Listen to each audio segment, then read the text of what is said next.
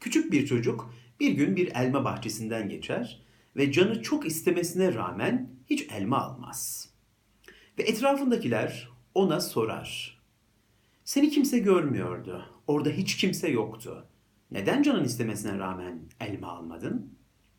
Küçük çocuk da cevap verir. Evet, hiç kimse beni görmüyordu, kimse yoktu. Peki ya ben yok muydum? İşte bu cümle çok hayati ve değerli bir cümledir. Ben yok muydum? Ben kendime karşı nasıl böyle bir saygısızlık yapabilirim? Bu çocuğun inançlı olduğunu varsayalım. Allah, Tanrı inancı olduğunu varsayalım. Ve şöyle bir şey dediğini varsayalım. Allah yok muydu? Tanrı yok muydu? Şimdi size şöyle bir şey sormak istiyorum. Allah yok muydu cümlesi mi daha değerli yoksa ben yok muydum cümlesi mi? Bana kalırsa ben yok muydum cümlesi daha değerli geliyor bana. Çünkü bir insan kendini bildiği zaman kendisini yaratanı da bilmiş oluyor. Yarın bir gün inancını kaybedebilir. Tanrı inancı diye bir şeye inanmıyor olabilir. O zaman o elmadan alacak mı o insan? Hayır, yine almayacak. Çünkü kendisine olan saygısı buna engel olacak. Bir insanın bu dünyada kazanmış oldukları içerisinde en değerli şey işte budur. Kendine dürüst olmak, kendine saygı. Siz bir insanın kendisine saygı duymadığını görüyorsanız o insandan çok da fazla bir şey beklemeyin. Bir insanın kendisine dürüst olmadığını görüyorsanız o insandan çok da bir şey beklemeyin.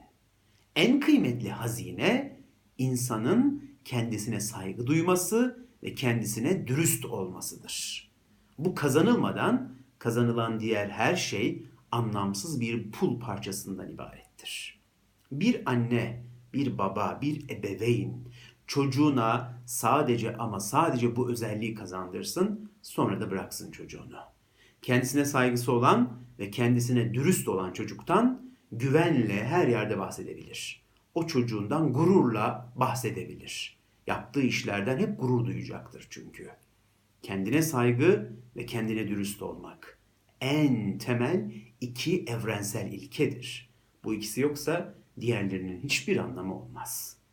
İşte bu anlattığım şeyi ben Ömer Hayyam'ın bir rubayisiyle taçlandırmak istiyorum. Elimde Rubayiler isimli Ömer Hayyam'ın şiirlerinden oluşan şu kitap var. Bu kitabın 81. sayfasında Ömer Hayyam şöyle bir dörtlük dile getiriyor. Ve şöyle söylüyor.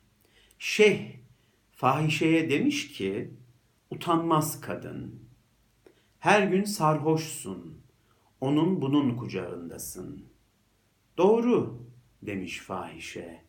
Ben öyleyim. Ya sen?